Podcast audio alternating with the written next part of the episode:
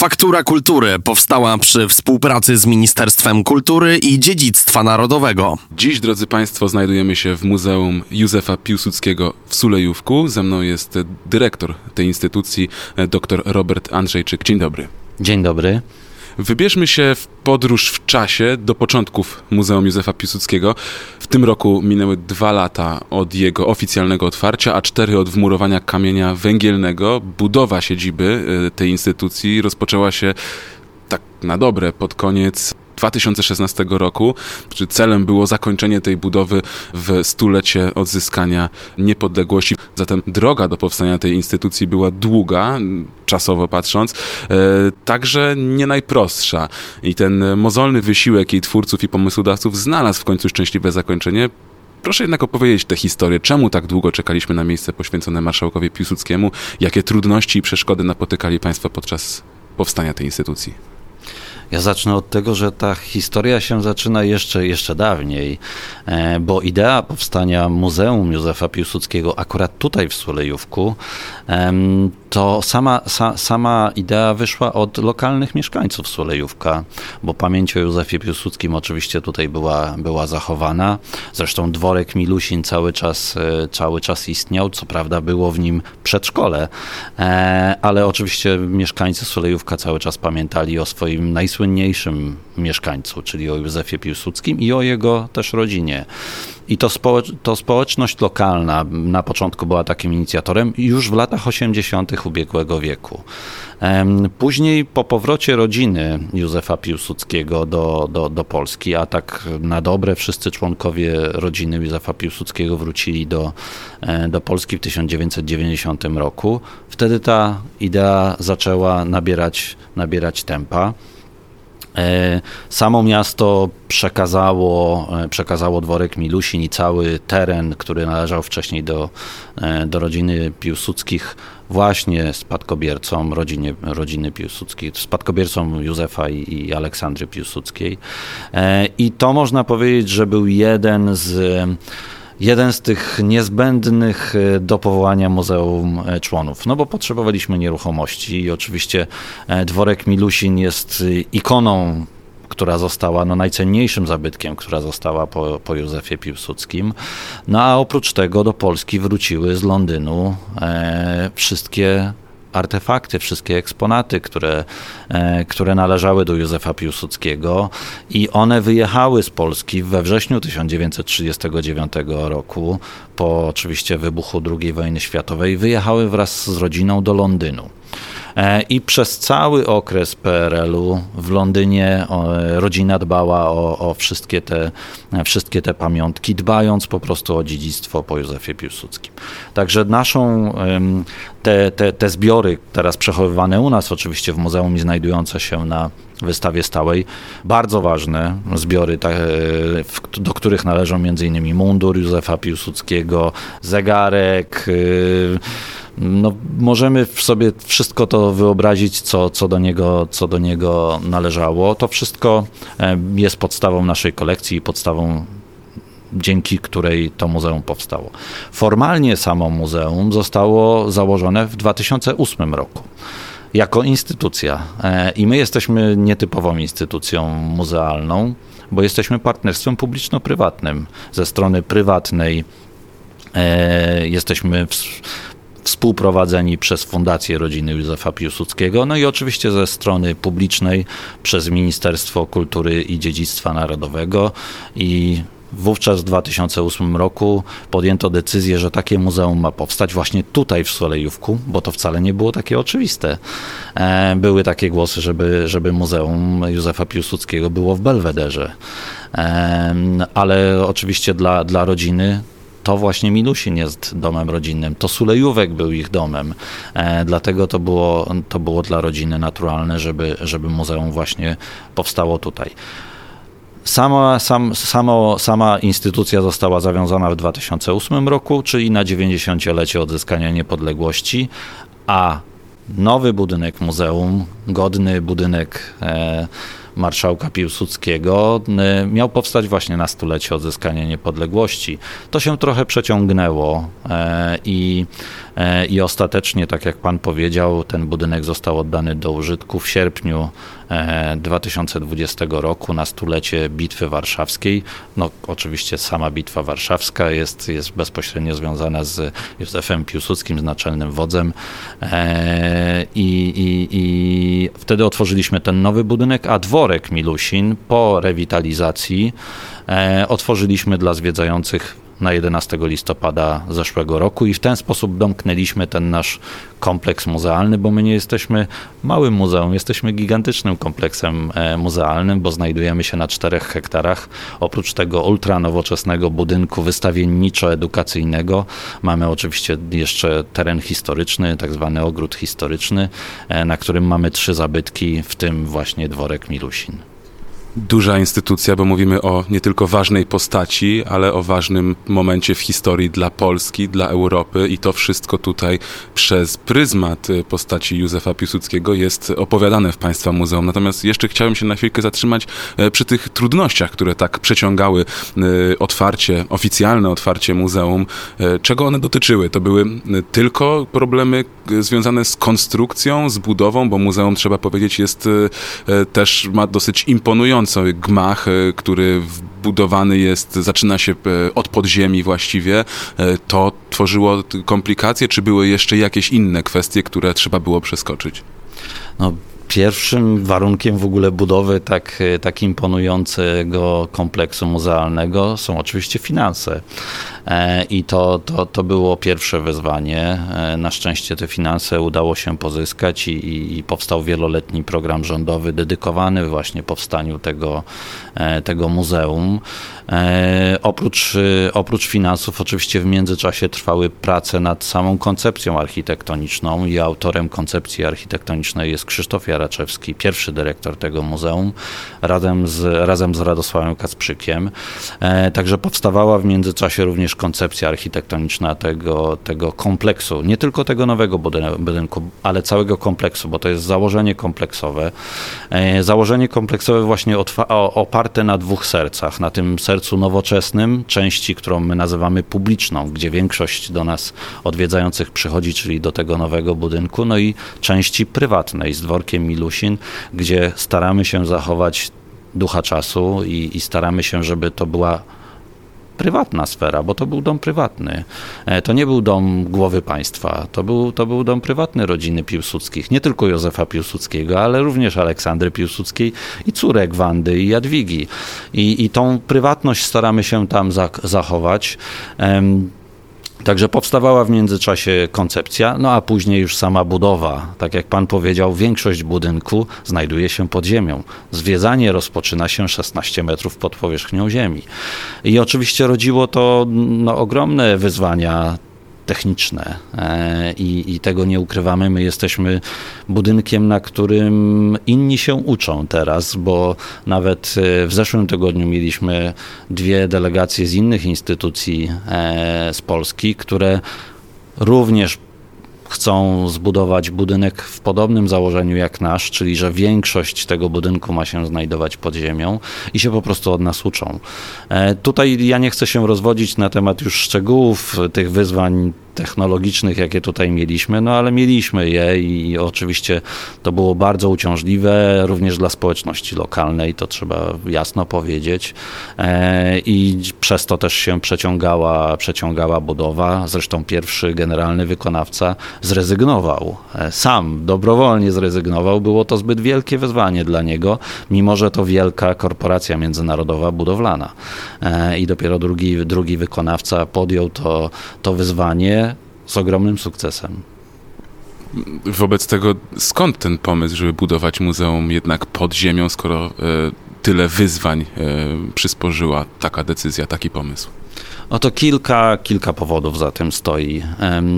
Jako jeden z pierwszych to, to trzeba podać przede wszystkim to, że no my jesteśmy bardzo, ta kubatura tego budynku jest bardzo duża. Gdybyśmy ten budynek postawili na ziemi, to on by zdecydowanie zdominował architektonicznie całą okolicę, a wokół nas mamy zabudowę rezydencjonalną, mamy domy jednorodzinne i nie chcieliśmy po prostu tego robić. Cały Sulejówek jest, jest zielony e, i, i znajduje się tu i, tylko i wyłącznie zabudowa rezydencjonalna, w związku z czym nie chcieliśmy, żeby ta wysokość i kubatura budynku zdominowała e, całe, całe miasto. E, chcieliśmy też, żeby to był budynek otoczony zielenią. Jest zresztą otoczony zielenią, gdy no teraz mamy porę zimową, ale przecież wiosną, jesienią czy, czy latem naszego muzeum mimo ogromnej, ogromnej kubatury praktycznie nie widać z zewnątrz, z ulicy.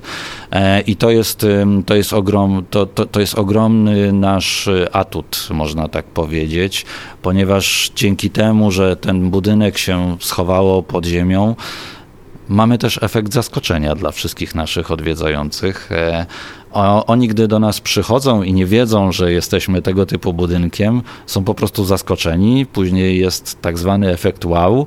E, no a poza tym różne, różne też inne e, tutaj czynniki decydowały o tym, że jesteśmy tak głęboko, tak głęboko zakopani. Również to, że możemy utrzymywać stałą temperaturę, wilgotność, e, warunki w ogóle tam pod ziemią, co jest dla nas bardzo ważne, bo jesteśmy budynkiem tak zwanym zielonym. My jesteśmy chłodzeni i ogrzewani tylko i wyłącznie pompami ciepła, pompami ciepła ziemnymi. I dzięki temu, że jesteśmy zakopani pod ziemię, to oczywiście mamy o wiele, o wiele stabilniejszą, e, stabilniejszą sytuację. No a tak na koniec, to oczywiście wszystkie skarby w naszej, w naszej sferze kulturowej e, wszystkie skarby chowaliśmy zwykle pod ziemią.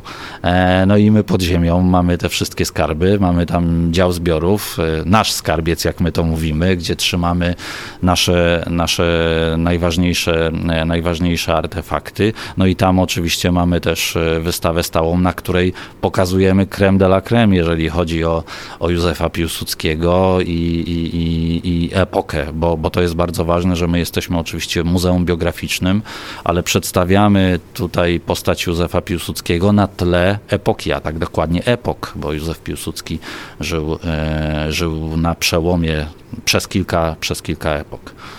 Trudności udało się przeskoczyć. Ministerstwo Kultury i Dziedzictwa Narodowego było obecne z państwem przez cały czas trwania tej budowy, tych wszystkich trudności. Pomagało państwu te trudności przeskakiwać? Oczywiście, że tak. To od razu ja chciałem powiedzieć, że po pierwsze, Ministerstwo Kultury jest, jest naszym współprowadzącym i organizatorem, to jest jakby jasne, jest y, naszym głównym sponsorem. E, my się utrzymujemy dzięki dotacji z Ministerstwa Kultury i Dziedzictwa Narodowego, ale w przypadku budowy to nawet osobiste zaangażowanie ministra, ministra Piotra Glińskiego było tutaj bardzo, bardzo ważne. E, ja czasami nawet sobie żartuję, że jest to oczko w głowie e, ministra Piotra Glińskiego i, i rzeczywiście Rzeczywiście tak jest. E, bardzo czujemy się zadbani e, przez, przez ministerstwo i czujemy to, że jesteśmy doceniani i że jesteśmy ważną instytucją, ważną instytucją na, na mapie polskiego muzealnictwa, a nawet powiem szczerze, że się cieszymy z tego, że my te trendy muzealnictwa polskiego wyznaczamy tutaj na miejscu i ministerstwo jest tego świadome i tu również jest z tego dumne. Faktycznie jest to niebywale nowoczesne muzeum, o czym jeszcze e, porozmawiamy, ale teraz e, przechodząc troszeczkę do takich kwestii ideowych, powiedzmy, Józef Piłsudski stosował coś, co dzisiaj możemy nazwać e, polityką historyczną. W jaki sposób tutejsze muzeum wpisuje się w obecną politykę historyczną państwa polskiego? My przede wszystkim jesteśmy oczywiście muzeum poświęconym y, Józefowi Piłsudskiemu, ale sami o sobie mówimy, że jesteśmy muzeum sukcesu. Jesteśmy muzeum sukcesu wszystkich Polek i Polaków, a tym sukcesem było odzyskanie niepodległości. E, I nam tutaj przyświecają, e, przyświecają idee przede wszystkim niepodległościowe e, i o tym mówimy i o tym uczymy również najmłodsze pokolenia. W naszej ofercie edukacyjnej jest między innymi, są między innymi warsztaty Pies i Wilk, na których dzieci klas od 1 do 3 szkoły podstawowej uczymy, czym właśnie jest niepodległość. W w sposób typowo warsztatowy za pomocą przedstawienia kukiełkowego, e, tego właśnie psa i wilka. E, więc niepodległość to jest, e, to jest idea niepodległościowa, to jest, to jest podstawa naszej działalności. Druga podstawa naszej działalności to jest współpraca. My jesteśmy instytucją partnerstwa publiczno-prywatnego i jesteśmy, chcemy być miejscem, gdzie różne środowiska się spotykają. Chcemy być też miejscem, gdzie się prowadzi dialog. Chcemy być taką platformą i jesteśmy taką platformą i jesteśmy jedynym muzeum w Polsce, które ma centrum debat historycznych. My tutaj zapraszamy młodzież i studentów z całego kraju, żeby dyskutowali na tematy ważne dla Polski, również współcześnie, sięgając do historii. Także uczymy się tutaj na historii. Są to tematy dotyczące polityki, ale również i gospodarki. Chociażby na ostatni, jednej z ostatnich debat y, y, debatanci dyskutowali na temat reformy y, walutowej Grabskiego, czy też dyskutowali na temat udziału kapitału zagranicznego w gospodarce II Rzeczypospolitej. To są tematy, które są gdzieś tam w przeszłości, ale reforma Grabskiego to oczywiście inflacja i ona, ona miała tą inflację zdusić i skutecznie ją zdusiła. Na udział kapitału zagranicznego to jest temat, który jest zawsze aktualny i, i za i przeciw e, tutaj, tutaj zawsze się pojawiają, więc my jesteśmy taką instytucją, gdzie historia żyje, gdzie historia żyje i gdzie historia jest odnoszona do, rzeczy, do obecnego, do, do teraźniejszości.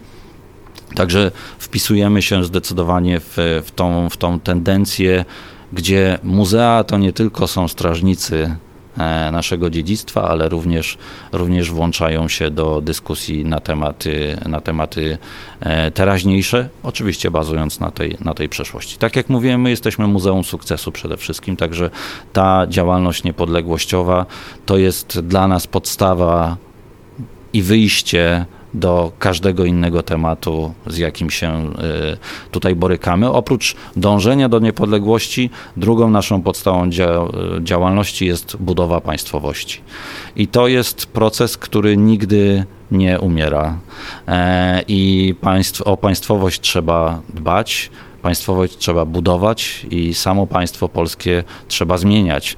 A są cztery filary tego państwa nowoczesnego państwa. Zresztą Piłsudski do tego dążył i to pokazujemy na, na naszej wystawie. Pierwszy, pierwszy filar to jest, e, to jest etos, to jest e, całe, cały ruch oddolny obywateli po to, żeby to państwo wesprzeć, również finansowo. Również finansowo. O tym, o tym musimy pamiętać. Drugi filar budowy państwowości to jest uznanie międzynarodowe, to jest dyplomacja i o to również trzeba, e, o to trzeba dbać. Trzeci filar to jest oczywiście siła, armia. To jest e, siła zbrojna.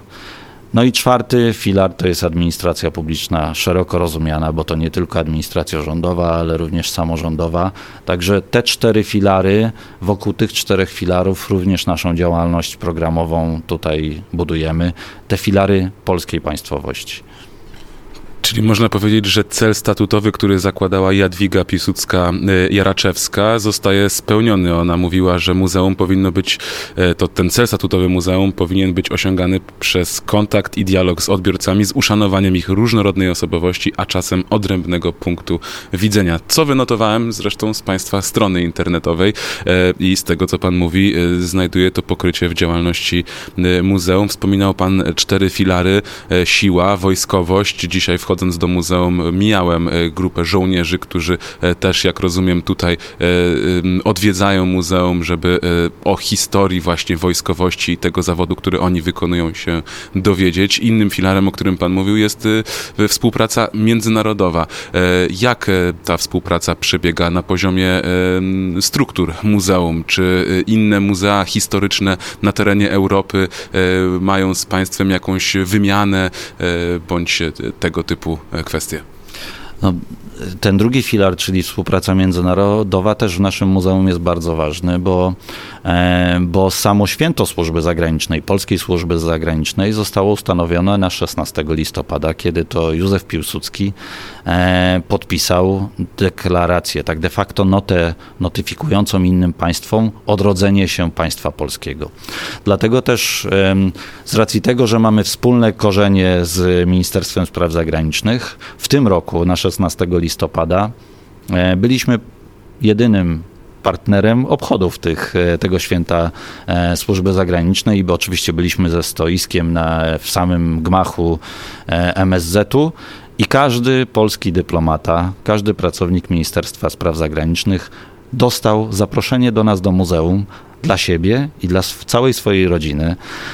także chcemy, żeby, żeby polscy dyplomaci sobie czasami trochę odkurzyli postać e, Józefa Piłsudskiego, ale przede wszystkim, żeby też spojrzeli na naszą wystawę z punktu widzenia dyplomaty, z punktu widzenia geopolityki, bo naszą wystawę zaczynamy mapą świata, gdzie pokazujemy, jaka była sytuacja geopolityczna i ta mapa nam cały czas towarzyszy w tej narracji.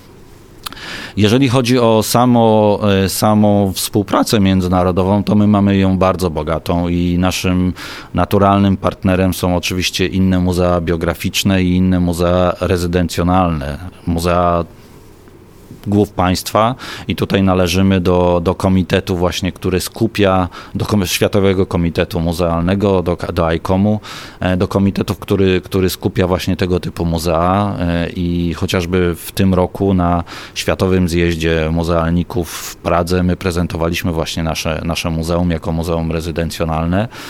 Uczymy się od innych, inni się uczą od nas, bo my jesteśmy w sumie bardzo dużą instytucją, co tu dużo ukrywać, tak? E, I, i, i, jesteśmy też bardzo nowoczesną, a większość tych rezydencjonalnych muzeów to są zwykle kameralne bardzo, e, bardzo muzea. E, naszym naturalnym partnerem są nasze również kraje ościenne. My bardzo blisko tutaj sobie mm, no, bierzemy do serca i kontynuujemy myśl Józefa Piłsudskiego, myśl federalistyczną, czyli naszymi naturalnymi partnerami są kraje graniczące z nami na wschodzie. My bardzo blisko współpracujemy z Ukrainą i zawsze z nią bardzo blisko współpracowaliśmy. Przede wszystkim na dwóch platformach. Jedna z nich to jest y, Dialog Dwóch Kultur, to jest taka konferencja, najważniejsza konferencja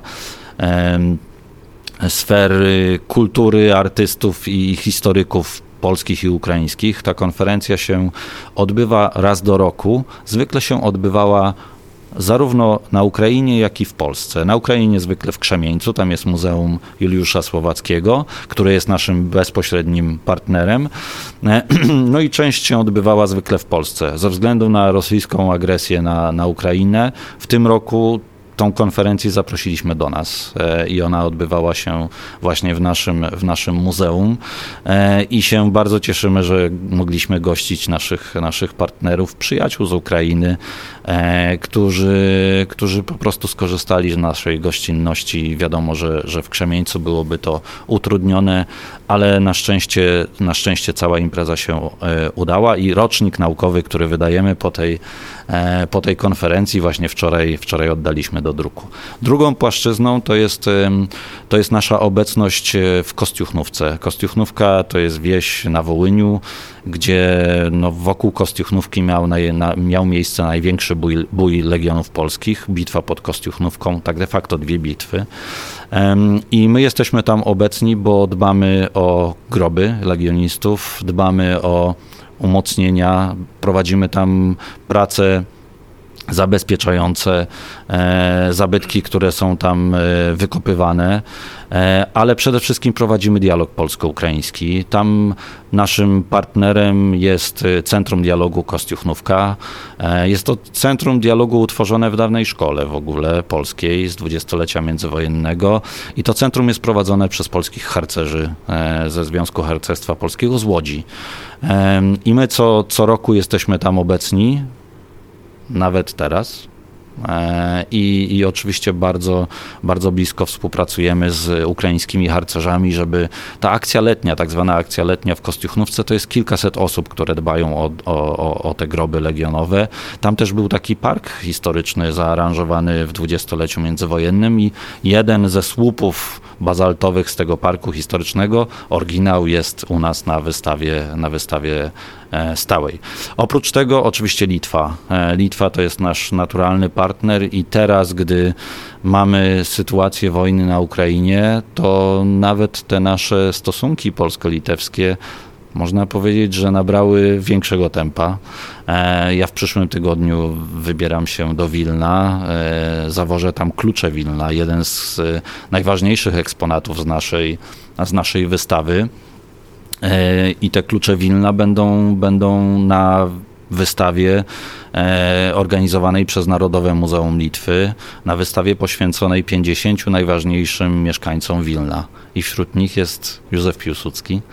E, I, i, te klucze, klucze podarowane przez, przez mieszkańców Wilna dla uczczenia wyzwolenia Wilna spod, spod e, oczywiście e, bolszewików, no będą, będą po prostu jednym z najważniejszych eksponatów tej wystawy. Także, także ta nasza współpraca międzynarodowa na różnych płaszczyznach z różnymi krajami jest bardzo rozbudowana. No i takim trzecim krajem, który jest nam szczególnie bliski, to jest Japonia.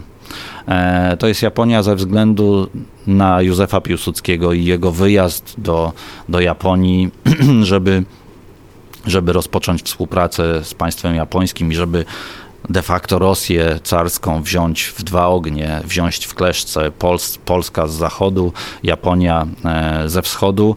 E, to jest dla nas ważne. Japonia jest też dla nas ważna ze względu na postać Bronisława Piłsudskiego, który w Japonii jest, jest no, o wiele lepiej znany niż Józef Piłsudski e, ze względu na jego działalność etnograficzną i działalność badawczą, jeżeli chodzi o mniejszości etnograficzne, a tak dokładnie przede wszystkim o Ainów, e, bo to Bronisław Piłsudski jest nie tylko jednym z ojców polskiej etnografii, ale przede wszystkim jest ojcem etnografii tam, japońskiej i, i do dzisiaj jego jego badania się cieszą ogromnym, ogromną popularnością i chociażby dwa tygodnie temu w Japonii wspólnie z, z naszymi japońskimi partnerami organizowaliśmy przedstawienie teatralne Dziady polsko-ainuskie, wystawiane przez teatr, e, przez teatr japoński, lokalny teatr w języku ainuskim, w języku, który badał i zapisywał właśnie Bronisław Piłsudski.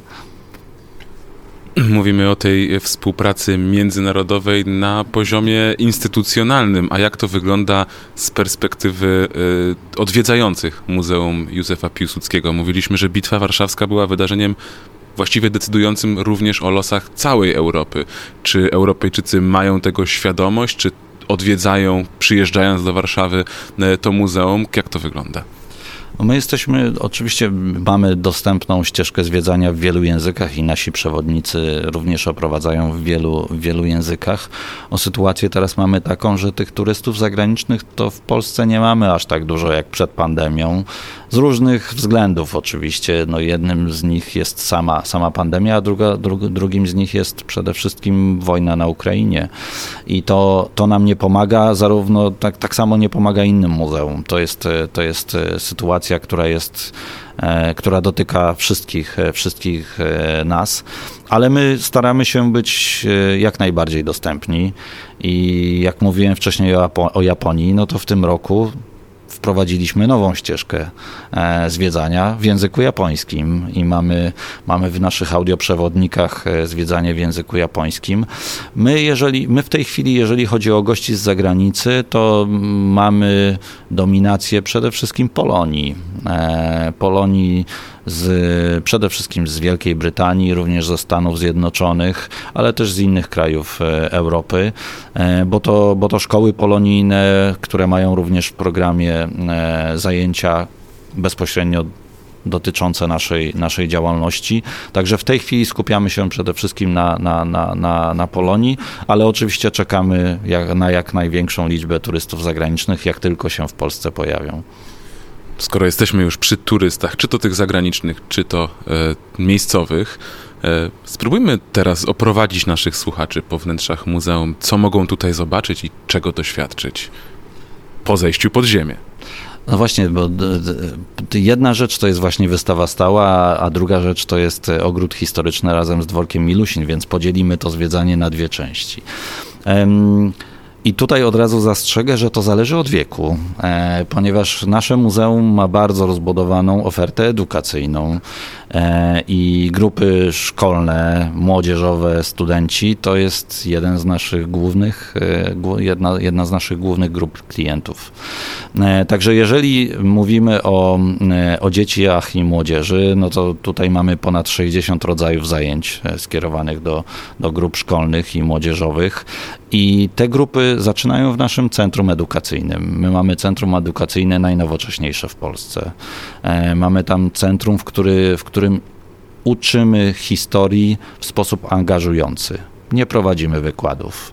My po prostu chcemy zaangażować w poznawanie tej historii, a angażujemy na przykład poprzez majsterkowanie. E, bo jedna z naszych warsztatowni jest wyposażona we wszystkie elektronarzędzia, wkrętarki, pilarki, wszystko co sobie może majsterkowicz e, wyobrazić. E, I tam wytwarzane są przedmioty, przedmioty, które mają odzwierciedlenie, są, są, są jakby odtworzeniem tego, co jest u nas na wystawie. Także można tam stworzyć sobie piórnik, gdy mówimy o rusycyzacji e, w szkole, w szkole w Wilnie, do której trafił Józef Piłsudski. E, mówi, można tam zrobić dworek Milusin, model dworku Milusin, można zrobić mój ulubiony klucz telegra telegraficzny e, i gdy taki klucz na warsztatach rodzinnych się stworzy, to e, wtedy trzeba się nauczyć e, właśnie tej noty notyfikującej odrodzenie państwa polskiego, więc przy okazji majsterkowania uczymy się e, tej noty, a ta nota ma fundamentalne znaczenie, bo to de facto był taki program polityczny Józefa Piłsudskiego dla odrodzonej Polski. I przy okazji przy składaniu tego, tego klucza telegraficznego dzieci równocześnie uczą się alfabetu Morsa, bo za pomocą tego klucza telegraficznego muszą, e, muszą nadać tą, tą notę e, notyfikującą odrodzenie się państwa e, polskiego. Więc angażujemy przede wszystkim e, i, i, i tak samo, gdy mówiłem o e, tym przedstawieniu Pies i Wilk dla najmłodszych, dla klas 0, 1, 3, no to to nie jest samo przedstawienie. Tam dzieci zabierają głos, one się wcielają w te role. Część z nich jest psem, część z nich jest wilkiem i mówią, czy lepiej właśnie mieć pana i i, i, mieć pożywienie w swojej misce, czy lepiej być tym wolnym wilkiem. I same decydują o tym, kim chcą być i, i, i, i są głosy pro i, i, przeciw. Także jest to, jest to edukacja angażująca, której częścią jest oczywiście zwiedzenie, zwiedzenie wystawy. Jeżeli chodzi o dorosłych odwiedzających, no to zapraszamy przede wszystkim na wystawę stałą, która w zeszłym roku została uznana za najlepszą wystawę muzealną w Polsce. E, jesteśmy z tego bardzo, bardzo dumni. Mm, a ta wystawa ma charakter biograficzny, składa się z pięciu galerii biograficznych. Zaczynamy od lat młodzieńczych, czyli, czyli galeria, e, galeria e, Ziuk, później galeria e, Komendant, Naczelnik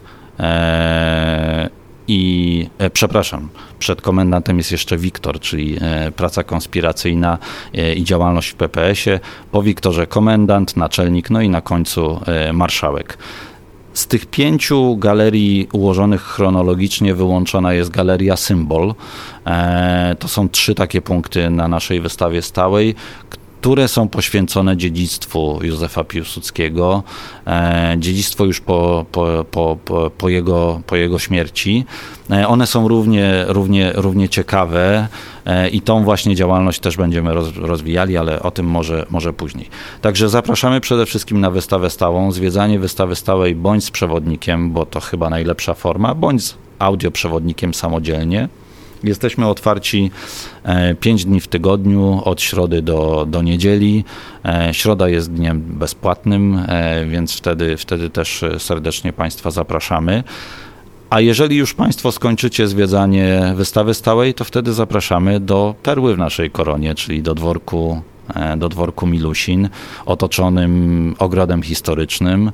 To jest właśnie ta kapsuła czasu, to jest e, to miejsce, gdzie się wchodzi do domu Piłsudskich. Nie tylko do domu Józefa Piłsudskiego jako przywódcy państwa polskiego, ale do domu rodzinnego, bo tak on był właśnie postrzegany i tam, tam odtworzyliśmy te wnętrza, a w, na przykład w saloniku, większość wyposażenia saloniku to są właśnie te rzeczy, które tam były, gdy Piłsudscy tam mieszkali. I tam właśnie snujemy opowieść o, o tym prywatnym czasie, jaki też Józef Piłsudski był prywatnie, e, co w tym domu robiono, jakie były oficjalne i prywatne e, uroczystości, kto tam mieszkał, kto bywał e, i jak to wszystko było zorganizowane. Jest to, jest to oczywiście opowieść taka wyjątkowa, bo ona jest właśnie bardzo, bardzo prywatna.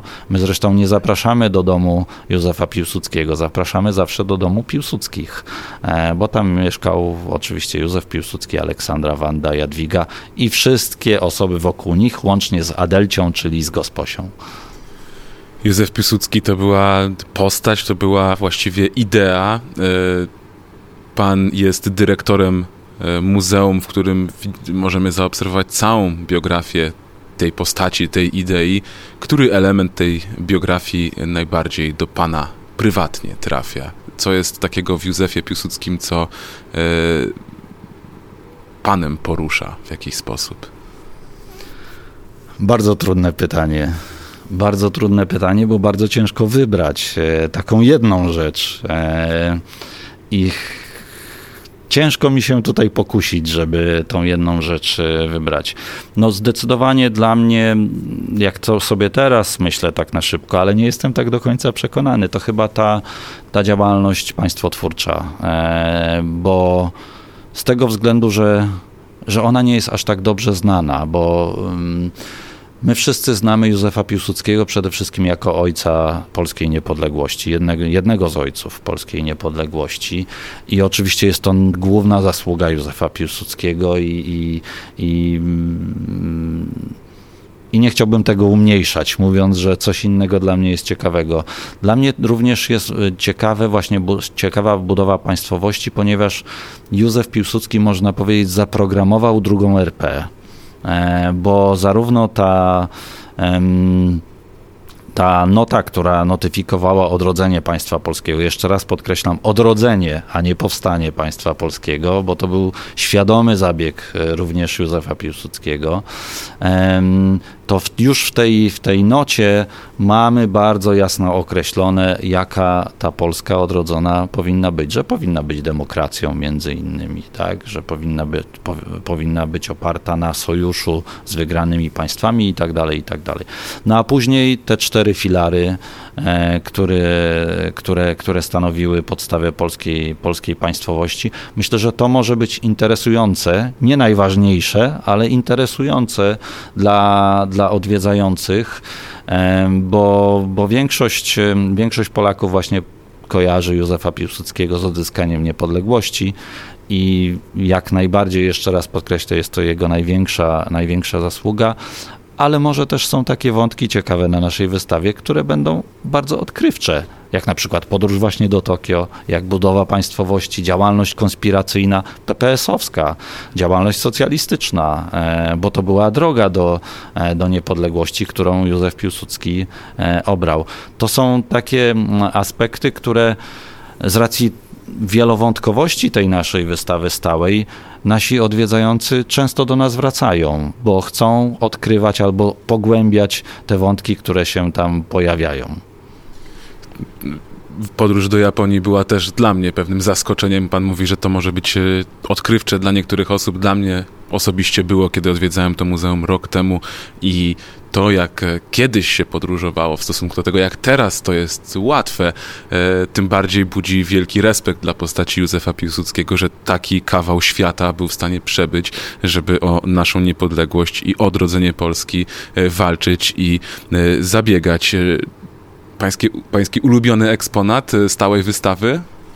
Mój ulubiony eksponat stałej wystawy to no pewnie bym tutaj wybierał pomiędzy mundurą a buławą. E, to są, to są te dwie rzeczy, które niosą ogromną historię i emocje za sobą. Myślę, że to są dwa dwa no, bardzo ważne artefakty związane z Józefem Piłsudskim i one, no bez nich sobie nie wyobrażam tego muzeum, tak bym powiedział. E, jak już wspomnieliśmy, muzeum poza wystawą stałą e, ma bardzo wiele wystaw czasowych. E, czego możemy spodziewać się w najbliższym czasie? Na jakie wystawy możemy zaprosić naszych słuchaczy? To powiem tylko o tych najważniejszych, które, które planujemy, bo oprócz takich mniejszych wystaw czasowych, co roku będziemy organizowali jedną dużą w naszej dużej sali wystawowej, wielofunkcyjnej. E, w przyszłym roku, e, w związku z tym, że mamy stulecie przekazania dworku Milusin Józefowi Piłsudskiemu, e, będziemy i to był dar żołnierza polskiego dla, dla Józefa Piłsudskiego, w związku z czym my będziemy przygotowywali wystawę poświęconą darom i darczyńcom, bo my jesteśmy muzeum zbudowanym dzięki darom, między innymi darom rodziny, ale nie tylko. E, to był masowy ruch, e, który, dzięki któremu my zbudowaliśmy naszą kolekcję, nasze zbiory e, i chcemy, chcemy po pierwsze pokazać te nasze największe skarby, nie tylko to, co jest na wystawie stałej, ale wyciągnąć z tego naszego skarbca to, co jest najlepsze i chcemy też w ten sposób podziękować każdemu darczyńcy, do, na, który do nas tutaj przyniósł przedmioty, które często mają ogromną wartość emocjonalną rodzinnie, bo to są przedmioty pozostałe po dziadku, który walczył w legionach. E, to są legitymacje, to są odznaczenia, to są dokumenty. E, za nimi, za tymi przedmiotami stoją ogromne no, emocje i historie, historie rodzin i wiemy, że dla wielu osób nie jest to łatwe, żeby rozstać się z takimi, e, z takimi rzeczami, ale my tutaj zapewniamy, że no one trafiają w najlepsze, w najlepsze ręce i w najlepsze miejsce. I chcemy dlatego w przyszłym roku dużą wystawę e, czasową właśnie poświęconą darom i darczyńcom. Nie tylko którzy darują swoje, swoje eksponaty do naszego muzeum, ale w ogóle do wszystkich innych muzeów. Kolejna y, duża wystawa czasowa na 2024 rok planowana to jest wystawa poświęcona turystyce w II Rzeczpospolitej. E, chcemy tutaj ukazać wszystkie praktycznie aspekty e, turystyki, e, od turystyki krajowej przez wyjazdową i przyjazdową i chcemy pokazać, że turystyka była częścią polityki państwa. E, że turystyka nie dosyć, że jednoczyła te ziemie polskie, które były podzielone poprzez rozbiory, ale przede wszystkim i oczywiście tworzyła dumę, dumę z państwa polskiego, bo dominowała oczywiście turystyka e, kulturowa, e, turystyka do, do Krakowa, do Poznania, do Gniezna i Biskupina, wszędzie tam, gdzie my to również jeździmy, e, ale to były również zręby turystyki aktywnej, turystyki górskiej, turystyki żeglarskiej, kajakarskiej i tak dalej, i tak dalej. Także to będzie na pewno bardzo spektakularna też wystawa. E, i bardzo, bardzo się cieszymy, że, że coś takiego zrobimy. E, i myślę, że będzie spektakularna i bardzo interesująca i bardzo liczymy na dużą frekwencję, a nawet jesteśmy przekonani, że taka będzie.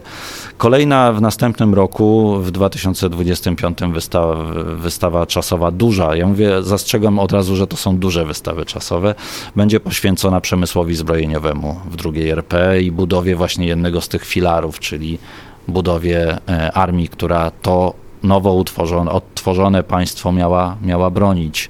E, także to, to też będzie bardzo spektakularna znowu, e, znowu e, wystawa z piękną narracją, narracją e, gdzie będziemy podkreślali przede wszystkim polską myśl technologiczną, no i z bardzo okazałymi eksponatami, e, które na pewno będą przyciągały do nas e, wielu zwiedzających. Oprócz tego przygotowujemy wystawy poświęcone Aleksand- wystawę poświęconą Aleksandrze Piłsudskiej, bo przyszły rok został przez Sejm uchwalony rokiem Aleksandry Piłsudskiej e, i, i taką wystawę zamierzamy również Aleksandrze Piłsudskiej poświęcić.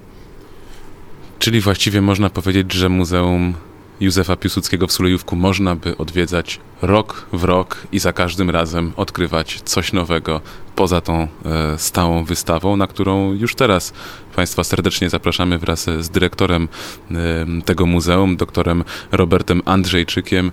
E, tak jak i zapraszamy na te wszystkie wystawy, których oczekujemy już w przyszłości. I zapraszamy również na inne wydarzenia, na koncerty u nas. U nas się bardzo dużo dzieje, przedstawienia teatralne, chociażby w ten weekend mamy przedstawienie poświęcone Aleksandrze Piłsudskiej. Także u nas się bardzo dużo, bardzo dużo dzieje. Serdecznie do nas zapraszamy. Na pewno będziecie się Państwo czuli doskonale w domu rodziny Piłsudskich. I wszystkie te informacje możecie Państwo znaleźć na stronie www.muzeumpiłsudski.pl. E, tam na pewno najbardziej aktualne daty e, i wszelkie informacje są dostępne. Dziękuję bardzo za rozmowę i raz jeszcze zapraszamy do Sulejówka. Dziękuję bardzo i zapraszam jeszcze raz. Faktura Kultury powstała przy współpracy z Ministerstwem Kultury i Dziedzictwa Narodowego.